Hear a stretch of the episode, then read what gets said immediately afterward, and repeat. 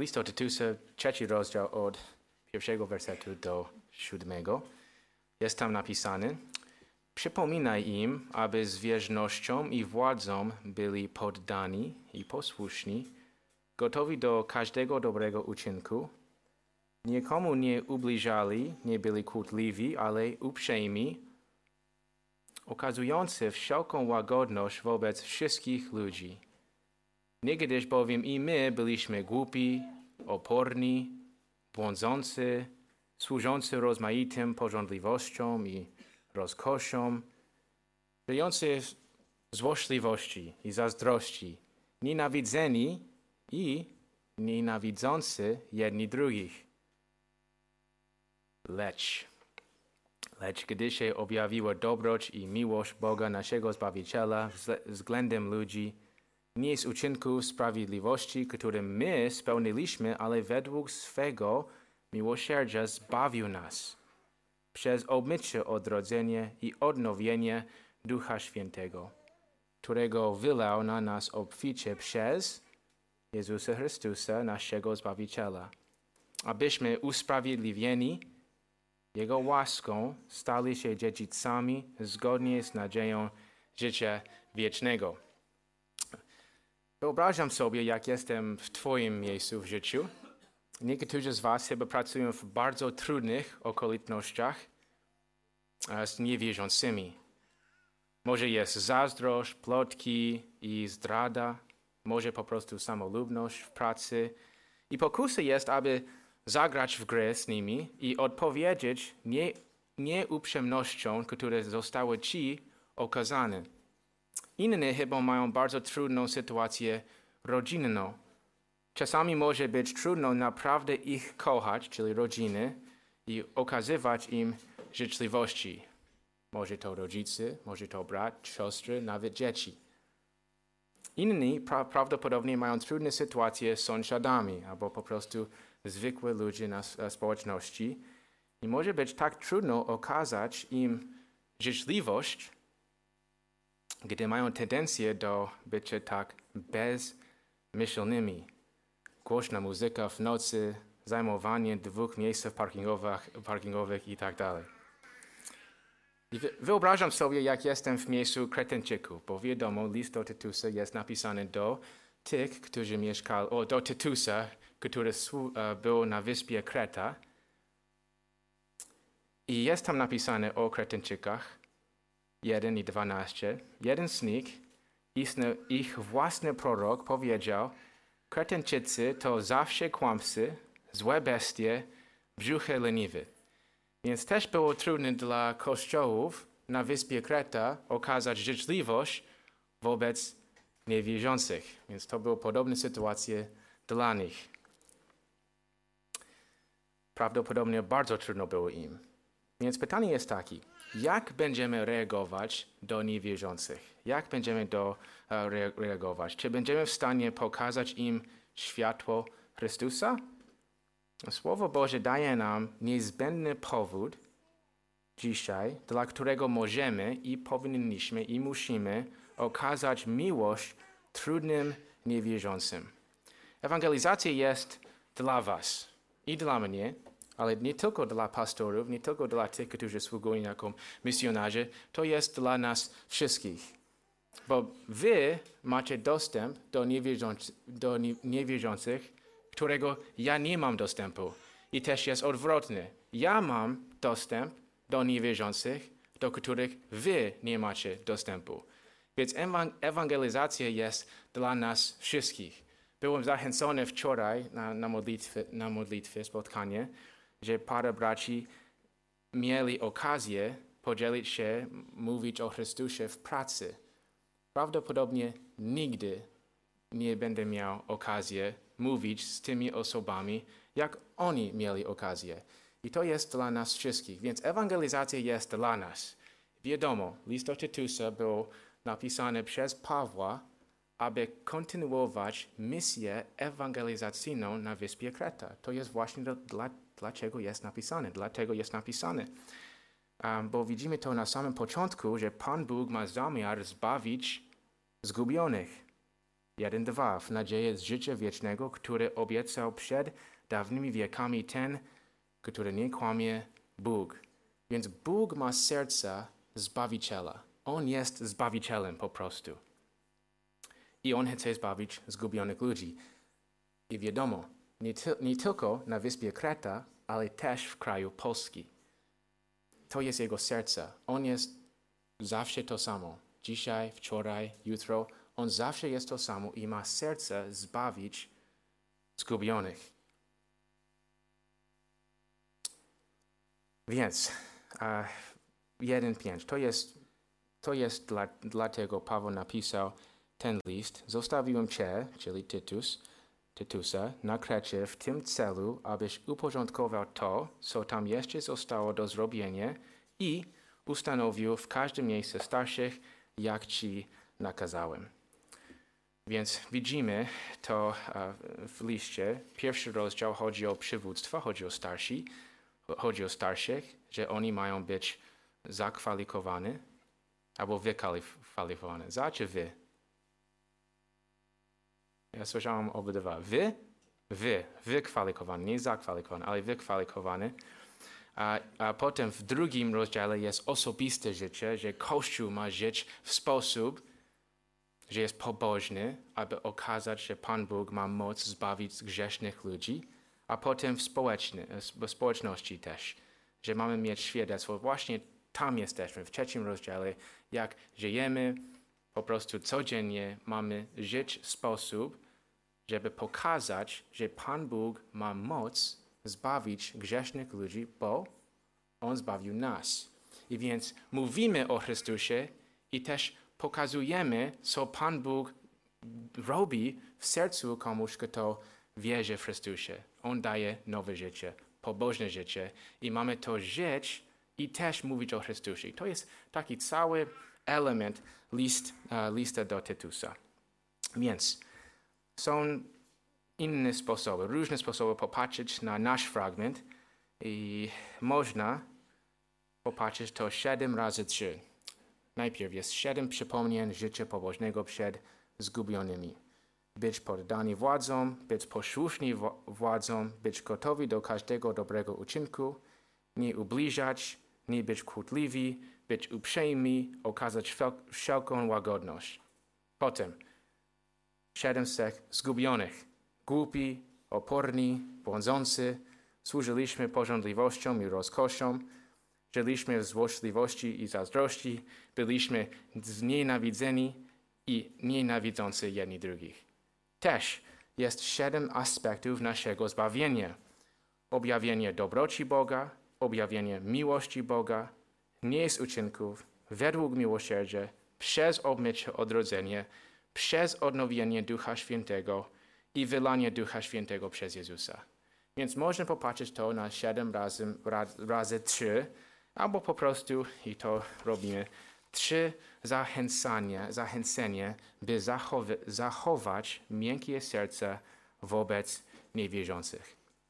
Trzy zachęcenie, by zachować miękkie serce wobec niewierzących. Po pierwsze jest trzeci werset. Pamiętaj, gdzie byłeś. Pamiętaj, gdzie byłeś. Nie mam na myśli, gdzie na mapie, oczywiście, ale gdzie w życiu byłeś. Jakie było Twoje życie przed Chrystusem? Czy pamiętasz gniew, złość, pożądliwość, pychę, samolubność i znienawidzenie, które było częścią Twojego życia przed Chrystusem?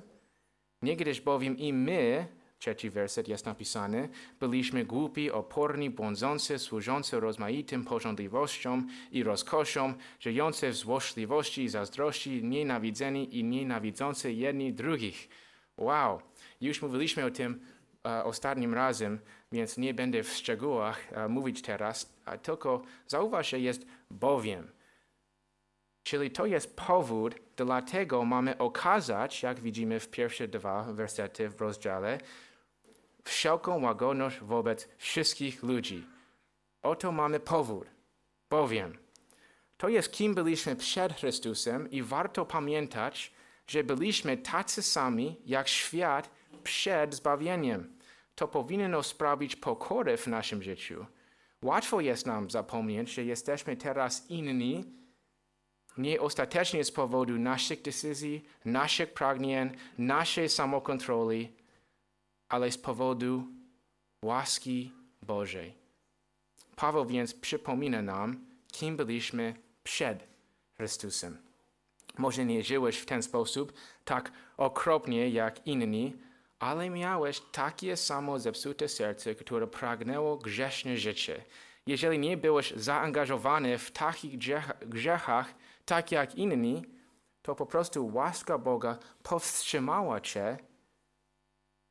Myśl jest taka, my wszyscy byliśmy umarli w grzechach przed Chrystusem i to przypomnienie ma sprawić pokorę w nas. I musisz pamiętać, że byłeś w drodze do piekła, brakowało, brakowało ci cierpliwości, dobroci, miłości, łagodności i tak dalej. Czasami zapomniamy o tym, kim byliśmy przed Chrystusem i jesteśmy zdziwieni, że niewierzący żyją jak niewierzący. Pamiętaj więc, kim byłeś przed Chrystusem. Bądź cierpliwy, łagodny wobec niewierzących, byłeś taki sam. Pamiętaj, gdzie byłeś przed zbawieniem. I to prowadzi nas do drugiego zachęcenia. Pamiętaj, kiedy Pan Bóg Ciebie zbawił. Pamiętaj, kiedy Pan Bóg Ciebie zbawił. Czwarty, czwarty werset. Lecz gdy się objawiła dobroć i miłość Boga, naszego Zbawiciela względem ludzi. I ostatecznie piąty werset skończy myśl. Zbawił nas. Lecz gdy się objawiła dobroci i miłość Boga, naszego Zbawiciela, względem ludzi, zbawił nas. Tutaj więc widzimy pewne ramy czasowe, kiedy Pan Bóg nas zbawił. I zanim to wyjaśnię, to zauważ kilka rzeczy. Najpierw lecz. Lecz.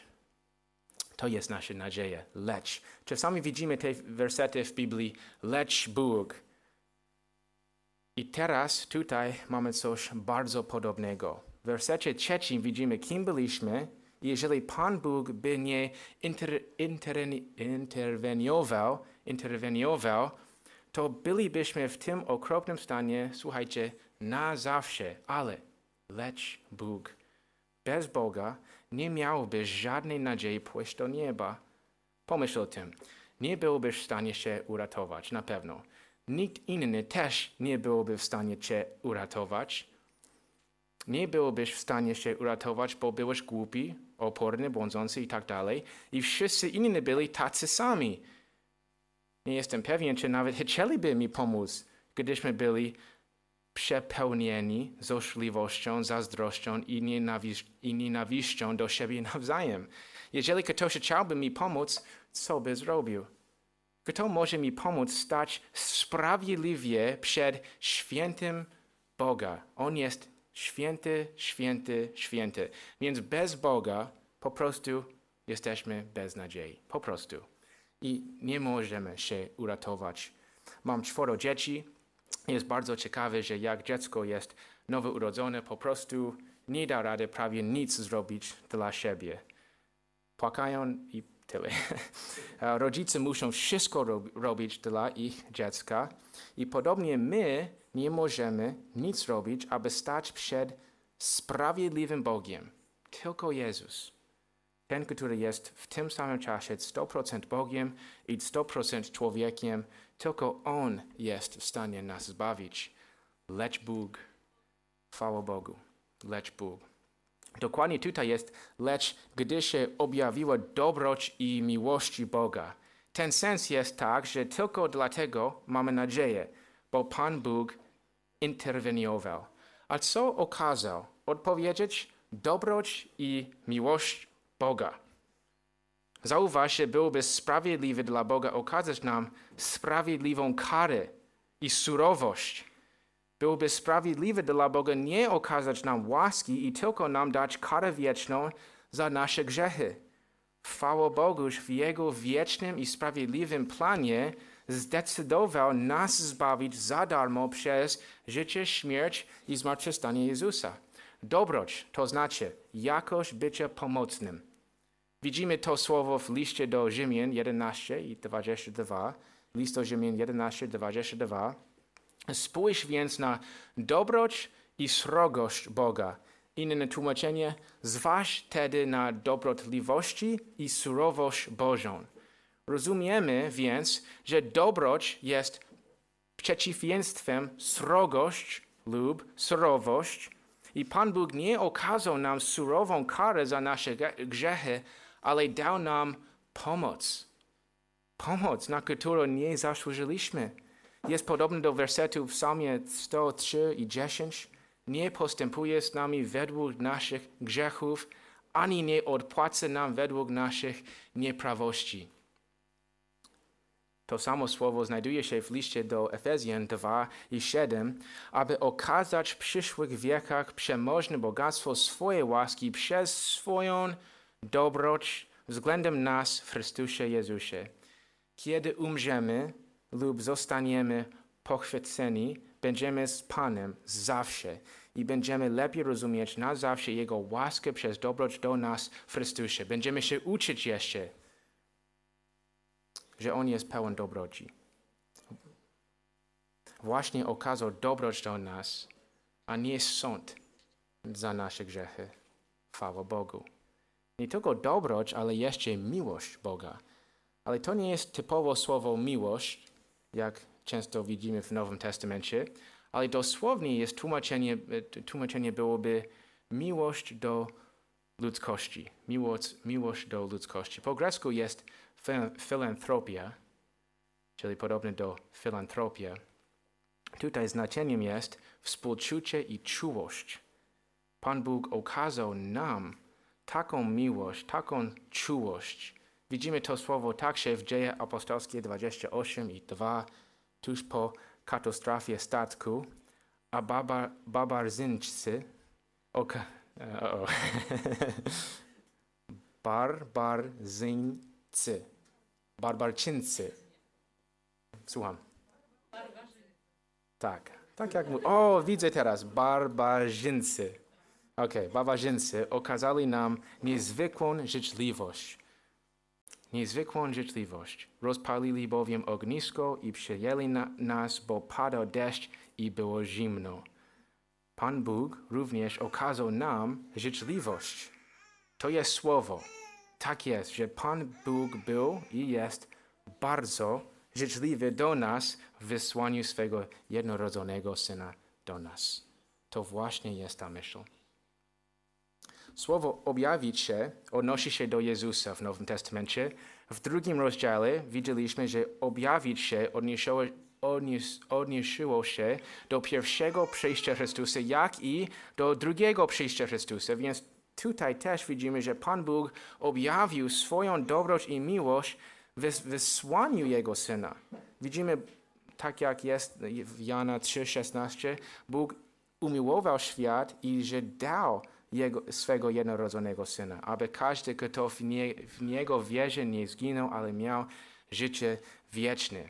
A czyja dobroć i miłość jest objawiona? Paweł podkreśla udział Boga Ojca w naszym zbawieniu.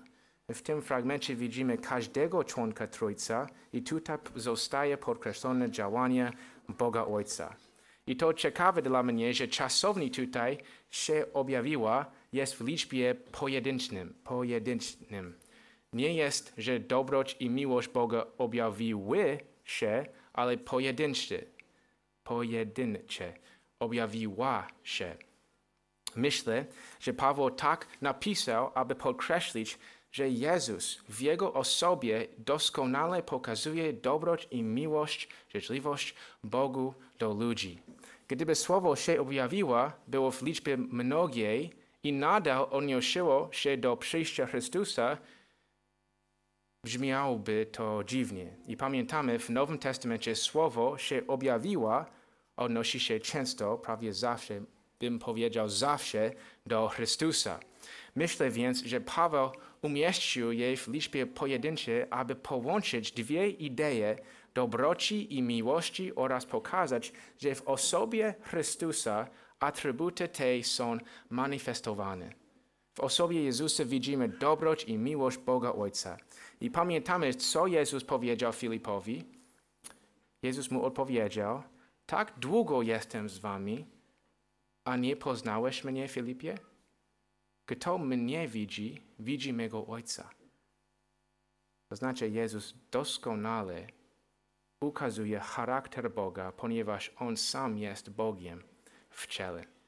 I teraz możemy zobaczyć, co to znaczy gdy. Co to znaczy gdy w tym kontekście. Kiedy to się stało, że objawiła się dobroć i miłość Boga i oczywiście, jak już mówiliśmy, to się stało w momencie historycznym wcielenia, życia, śmierci i zmartwychwstania Jezusa Chrystusa. I chociaż to jest prawda, myślę, że Paweł też ma inny, coś jeszcze na myśli. I właśnie ten moment, kiedy ty słuchałeś Ewangelii. Zauważ, jak osobisty ten tekst jest. Przypomnaj, przypominaj im. Niegdyś bowiem i my byliśmy głupi i tak dalej. Nic uczynków, które my spełniliśmy. Zbawił nas, wylał na nas, abyś my stali się dziedzicami. Więc to jest dosyć osobiście i z tego powodu myślę, że Paweł też chciałby, żebyśmy pamiętali, kiedy my osobiście zostaliśmy zbawieni. Oczywiście na to podstawie przyjścia Chrystusa. Musimy jednak pamiętać, że Bóg uratował nas w szczególnym momencie w naszym życiu. To jest naprawdę niesamowita rzecz, że jesteście zgromadzeni w kościele w Polsce. Statystycznie rzecz biorąc, ewangelików po populacji Polski jest mniej niż 1,1%, a oto jesteście. Więc co Pan Bóg zrobił dla Ciebie, aby Cię ratować? Musiał być moment, kiedy ktoś lub dużo ludzi wytłumaczył Ewangelii dla Ciebie, prawda? Jakie byłyby okoliczności dane przez Boga, by zbawić Cię? Przez rodziny? Przez współpracownika?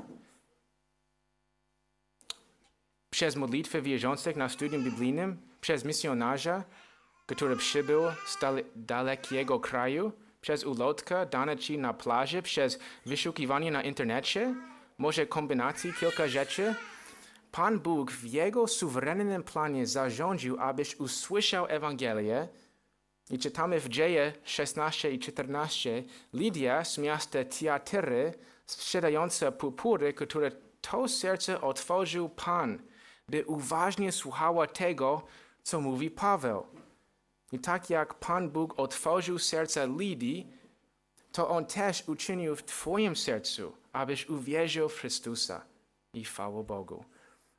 Dlaczego tak Paweł mówi? I ciekawe, że ten fragment jest taki teologiczny, ale jest zako, zakorzen, zakorzeniony w instrukcji do wierzących, aby żyli łagodnie wobec zgubionych ludzi. To jest dlaczego.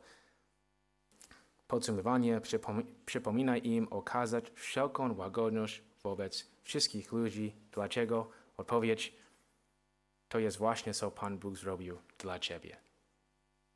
Możesz i musisz być tak jak Twój ojciec. Mateusz 5, 44 i 45. Jezus powiedział: Lecz ja Wam mówię, miłujcie Waszych nieprzyjaciół, błogosławcie tym, którzy Was przeklinają, dobrze czyńcie tym, którzy, którzy Was nienawidzą, módlcie się za tych, którzy Wam wyrządzają zło i prześladują Was abyście byli synami waszego Ojca, który jest w niebie.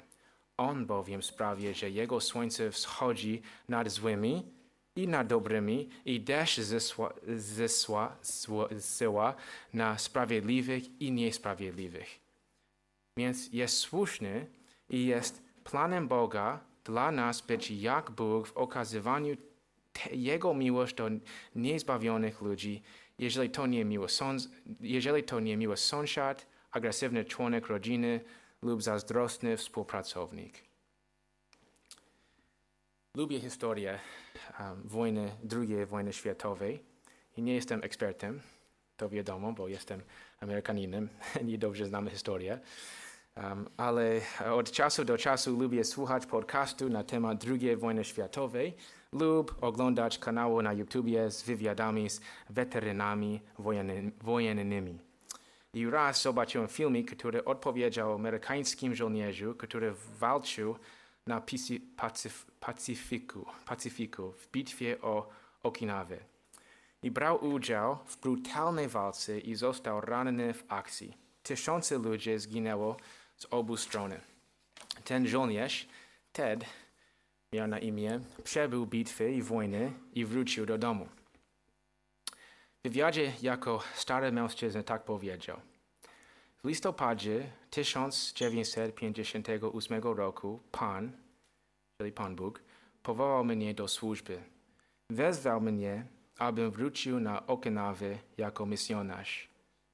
Powiem Ci, że nienawidzi, nienawidziłem Okinawy, nienawidziłem Japończyków wtedy, aż Pan mnie zbawił i obdarzył miłością do, Japoń, do Japończyków i Okinawaczyków.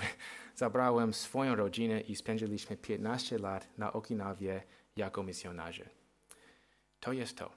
To jest to. Powinna być miłość do zgubionych, bo pamiętamy, gdzie, by, gdzie byliśmy w grzechach i kiedy Pan Bóg nas zbawił, czyli podczas wcielenia, życia, śmierci i zmartwychwstania Chrystusa. I też pamiętamy, kiedy słuchaliśmy Ewangelii osobiście. Chcemy być jak na, nasz Ojciec, który okazał taką dobroć i miłość osobie Jezusa, Chrystus, Jezusa Chrystusa. I to prowadzi do naszej trzeciego zachęcenia zachować miękkie serce wobec niewierzących. To jest tak, pamiętaj jak Pan Bóg Cię zbawił. Więc pamiętaj kiedy, nie, pamiętaj gdzie, a potem kiedy, a potem jak Pan Bóg Cię zbawił. Główna myśl tutaj to zbawił nas, jak powiedziałem, w piątym wersecie i resztę wersetu wyjaśnię, jak Pan Bóg nas zbawił. Piąty werset. Nie z uczynku sprawiedliwości, sprawiedliwości, które my spełniliśmy, ale według swego miłosierdzia zbawił nas przez odmycie, odrodzenie, odnowienie Ducha Świętego. Po pierwsze, zauważ, że to nie jest uczynków, ale według miłosierdzia. Nie jest uczynków, ale według miłosierdzia. Kiedy myślisz o zbawieniu, nie można myśleć, jestem zbawiony, bo nie byłem aż tak zły jak inni. Paweł wyraźnie mówi, że nasze tak zwane dobre uczynki nic nie przyczyniłyby do naszego zbawienia. Jest łatwo dla nas myśleć, że musieliśmy coś dobrego zrobi, zrobić, bo, bo Pan Bóg chciał nas zbawić, prawda? Ale to nie działa w ten sposób. Zbawienie nigdy nie jest uczynków naszych. Musimy pamiętać, że musielibyśmy być doskonali, żeby przez własną sprawiedliwość być niewinni i sprawiedliwi przed Bogiem. Jezus pokazał przez kazanie na górze, że takie rzeczy jest dla nas po prostu niemożliwe, bo nasze serca są zepsute. Jezus powiedział, bądźcie więc doskonali, tak jak doskonały jest wasz Ojciec. I przez to Jezus pokazuje, że po prostu potrzebujemy rozpaczliwie łaski, bo nie jesteśmy doskonali. Oczywiście to nie jest możliwe dla nas. Już widzieliśmy, że dużo grzechów w naszym życiu jest. I to znaczy, że zbawienie nie jest z uczynków sprawiedliwości, które my spełniliśmy. Ktoś napisał, wynika z tego, że takich uczynków nie było. Ani Paweł, ani nikt inny nigdy nie wykonał takiego dzieła, ponieważ przed Bogiem i Jego świętym prawem wszyscy, zarówno Żydzi, jak i poganie, są z natury pod grzechem. Nikt, tak, nikt na świecie nie jest w stanie powiedzieć, ja jestem doskonały. Byliśmy urodzeni w grzechach. Pamiętajcie, mamy czworo dzieci, więc widzę to. Byliśmy urodzeni w grzechach i popełniliśmy, ale kocham was dużo. To nie jest tak. Nie wiem, czy słyszają, czy nie. Chyba nie. Okej, okay, dobra. To nie znaczy, że nie, nie kocham ich, ale tylko po, po, prostu widzimy, tak? Widzimy w naszych dzieci, że, że są urodzeni w grzechach. I nie, mus, nie, nie jest możliwe, że musimy uczyć, jak kłamać, jak być nieposłuszeństwo. To jest naturalne, bo ich serce od razu jest zepsute. Gdzie byłem? Nikt. Okej.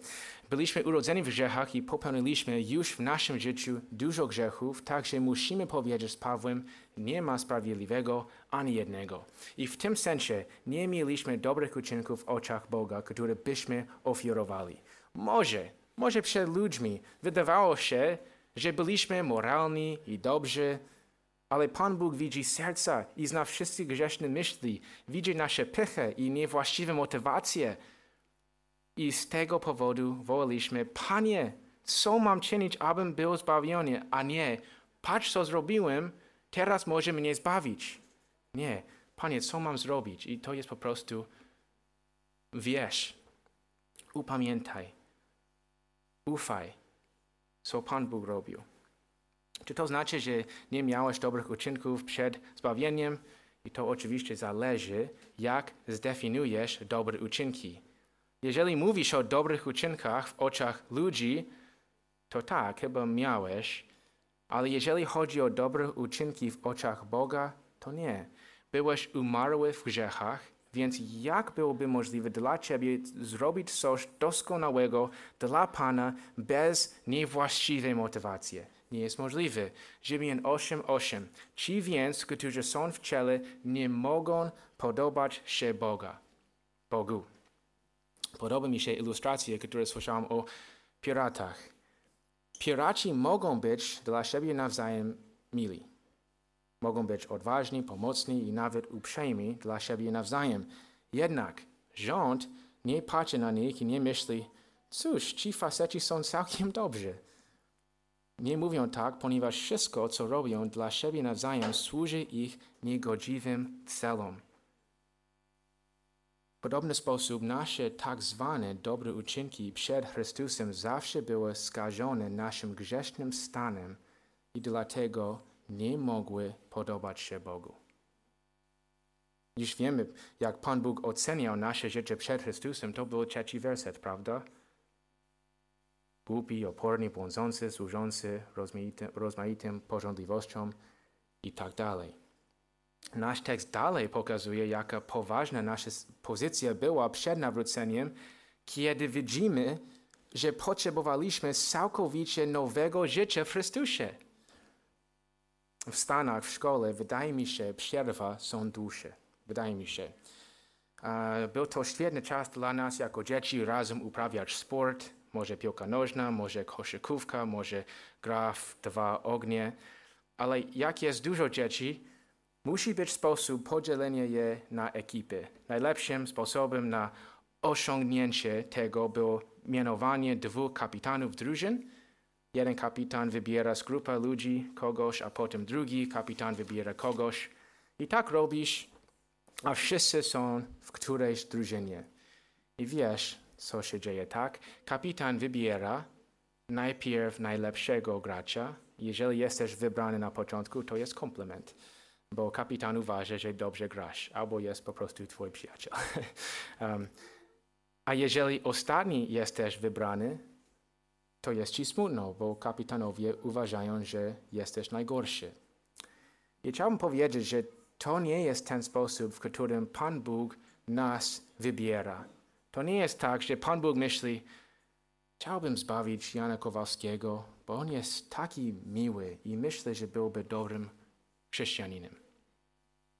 Albo Iza Kowalska jest dosyć posłuszna i muszę, muszę jej dać tylko 40% przebaczenia w porównaniu innych, więc będzie mi łatwiej. To nie. Zawsze jest cud. Kiedy ktokolwiek przyjdzie do Chrystusa, bo Pan Bóg daje tej osobie nowe życie. Nie było to z powodu Twoich dobrych uczynków, ale wiesz dlaczego Pan Bóg Ciebie zbawił? Współczuł Ci. Było mu Cię szkoda. Jest tam napisane, nie z uczynku sprawiedliwości, które my spełniliśmy, ale według swego miłosierdzia zbawił nas. Według swego miłosierdzia. To jest, t- co oznacza, kiedy jest według swego miłosierdzia. Pan Bóg jest pełen litości. Efezjan 2 i 4. Lecz Bóg, który jest bogaty w miłosierdzie z powodu swojej wielkiej miłości, który nas umiłował. Pamiętamy, chociaż ten tekst jest dosyć bogaty, teologia tutaj jest dana nam, abyśmy byli bardzo czujni i życzliwi do zgubionych. To znaczy, jeżeli zmagasz się, żeby kochać niewierzących, to więcej rozważaj, co Pan Bóg zrobił dla ciebie. Następnie widzimy, że, że Bóg nas zbawił przez obmycie odrodzenie i odnowienie Ducha Świętego. Jak już mówiłem, potrzebowaliśmy całkowicie nowego życia. Nie było tak, że potrzebowaliśmy po prostu małej poprawki. Raczej całkowicie nowego życia. Tutaj Paweł opisuje ten moment zbawienia i co się dzieje w życiu kogoś. Chodzi tutaj o nowe narodzenie.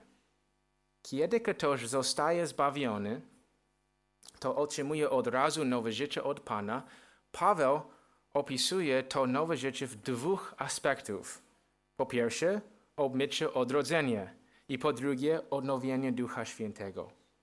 Mamy w tekście obmycie odrodzenia i słowo odrodzenie to znaczy całkowite zmiany życia lub ponowne narodziny. W języku greckim jest to słowo złożone z ponownie i urodzenie. Zauważ, że Paweł opisuje jeden aspekt odrodzenia, a mianowicie obmycie. obmycie. Chodzi tutaj, że w momencie zbawienia otrzymujemy duchową kąpiel. Wszystkie nasze grzechy zostają zmyte. Wszystkie.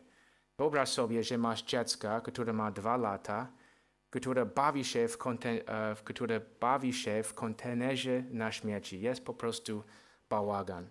Dziecko jest, dziecko jest brudne od stóp do głów, pachnie okropnie. Jako rodzic go widzisz i od razu bierzesz dziecko na ręce i niesiesz dziecko do wanny. Ciepłą wodą i mydłem kąpiesz dziecka i za jakieś 10 minut byś nie wiedział, że dziecko było w takim brudnym stanie. Jest podobnie dla nas w naszym grzechu. Okropnie śmierdziliśmy przed Bogiem, a On wykąpał Ciebie nie zewnętrzny, ale wewnętrzny. Jeden aspekt tego nowego życia jest taki, że wszystkie Twoje grzechy zostały zmyte. Tutaj jest coś pięknego. Nigdy nie zobaczysz tych grzechów w przyszłości. Jesteś przebaczony od grzechów w przeszłości, te grzechy teraz i te grzechy w przyszłości przez Jezusa. Podobnie jest tutaj do brudnej wody, która spłynęła do odpływu. Nigdy nie będziesz musiał zdać sprawę przed Bogiem za te grzechy. Jeżeli naprawdę jesteś wierzący, to znaczy, teraz żadnego potępienia nie ma dla ciebie. Żadnego. To jest niesamowite. Nie musisz czuć się winny ani się bać. Twoje grzechy zostały zmyte. Tak jest napisane w Biblii. I czy Pan Bóg kłamie? To nie. Twoje grzechy zostały zmyte. Bóg już nigdy ci ich nie wypomni. On je odesłał. Jak daleko jest wschód od zachodu, tak daleko oddalił od nas nasze wstępki. Psalm 103 i 12. Dużo ludzi myśli, że obmycie na pewno odnosi się do chrztu, ale nie jest napisane obmycie chrztu, ale obmycie odrodzenia. Nie chodzi tutaj o chrzest.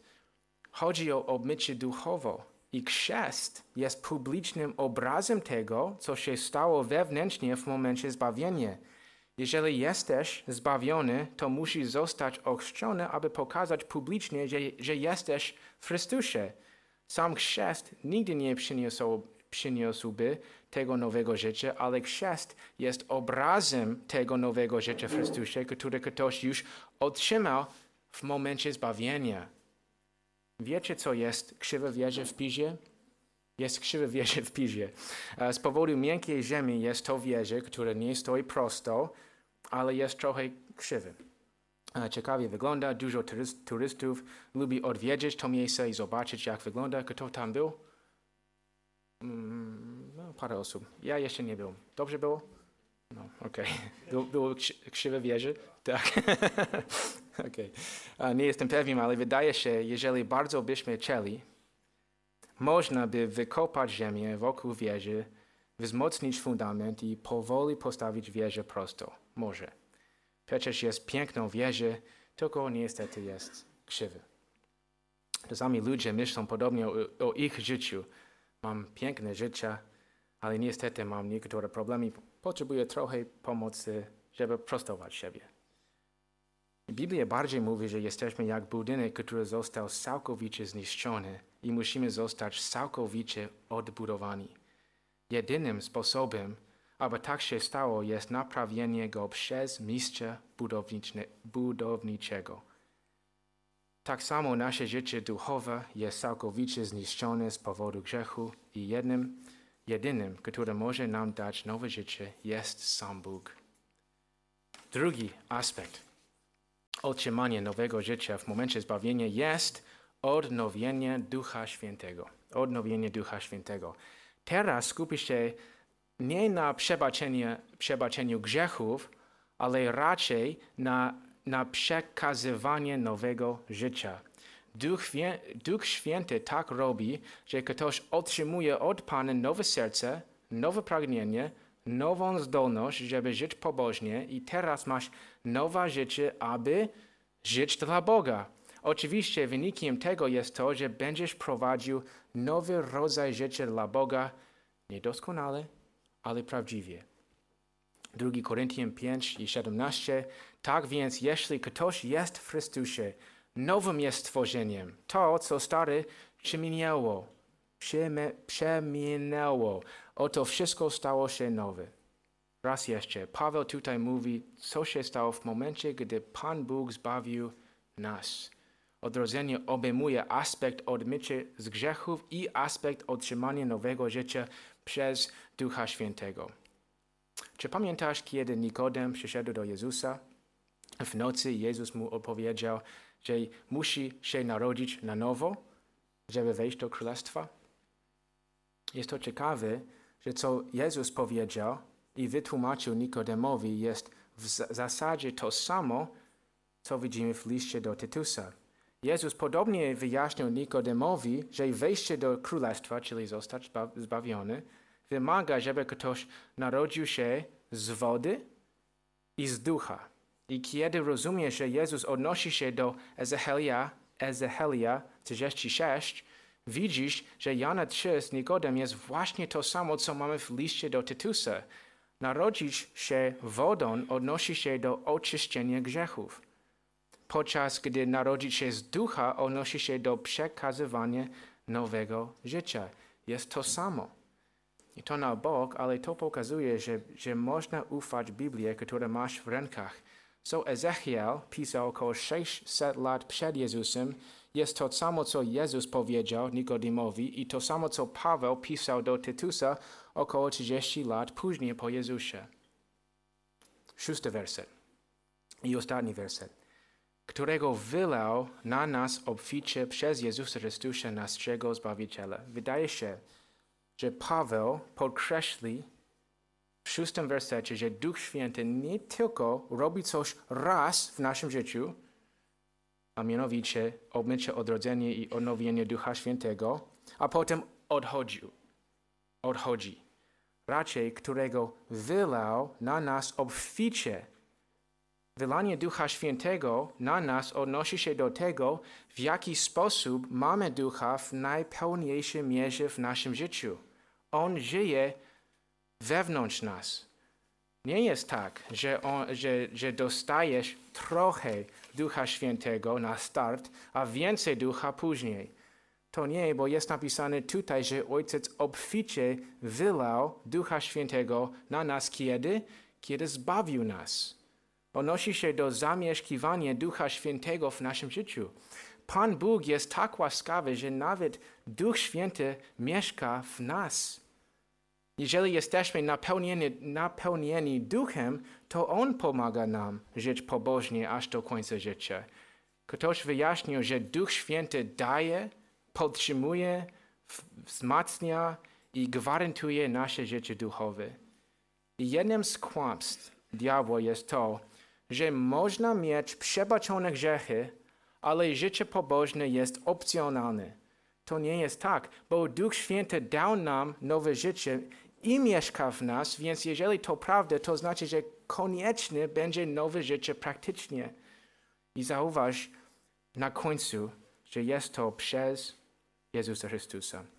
Myślę, że tutaj Paweł ma na myśli, że życie, śmierć i zmartwychwstanie jest to podstawowy powód, dla którego Duch Święty działa w naszym życiu. Bez dzieła Jezusa to Duch Święty nie by mieszkał w nas. To jest dlaczego myślę, że Pan Bóg jest tutaj zwany Zbawiciel, nasz Zbawiciel. I skoro Bóg Ojciec jest Zbawiciel w czwartym wersecie i Pan Jezus tutaj jest Zbawiciel, to widzimy, że On jest Bogiem. I jak mówiliśmy, tylko Bóg jest w stanie nas zbawić. I Pan Jezus jest Bogiem. Również Duch Święty. Trójcy.